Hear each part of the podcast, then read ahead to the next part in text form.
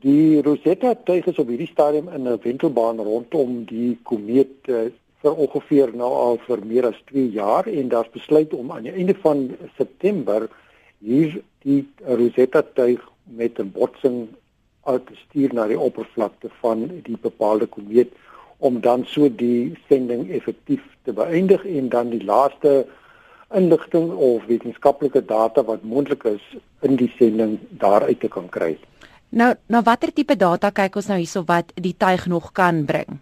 Kyk op 'n hoogte van 20 km gaan hierdie Rosetta begin met 'n vryval na die komeet self. Hulle het 'n gebied geïdentifiseer aan die klein kopkant van die komeet, ook genoem Mahat.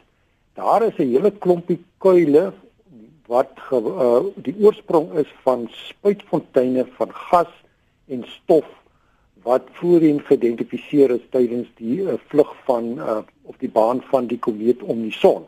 So wat hulle nou gaan doen is om hoë oplosvermoë foto's te neem van die binnekant van hierdie kuile. Want dit gaan van ons 'n idee gee of is 'n goudmyn van inligting omtrent die bepaalde geskiedenis van die komeet self. Is inligting wat nog nooit voorheen in die bestaan van ruimtewetenskap kon ingewin word nie. Hoekom is daar besluit teen 'n sagte landing? Kyk, hierdie ruimtetuig is nie ontwerp eintlik om 'n sagte landing te doen nie. So hy gaan nou maar eintlik basies in 'n vryval wees en dan hoop vir die beste. So uit 'n tegniese oogpunt uit is dit baie meer gekompliseerd om die landing te bewerkstellig as wat byvoorbeeld was in die geval van Philae wat 'n landingsstyg was met spesifieke ontwerpe vir 'n bepaalde tipe sagte landing want daar was 'n idee gehad om dan inligting in te samel na die landing.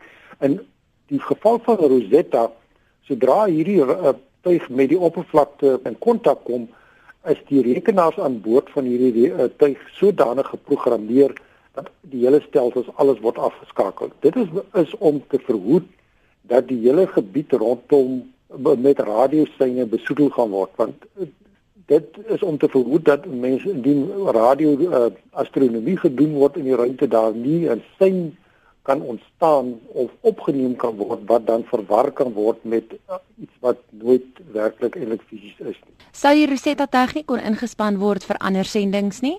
Nee, ongelukkig nie. Dit is hy's ontwerp vir 'n een eenmalige doelwit en dan word hy beëindig met die botsing of die harde landing op die komeet self.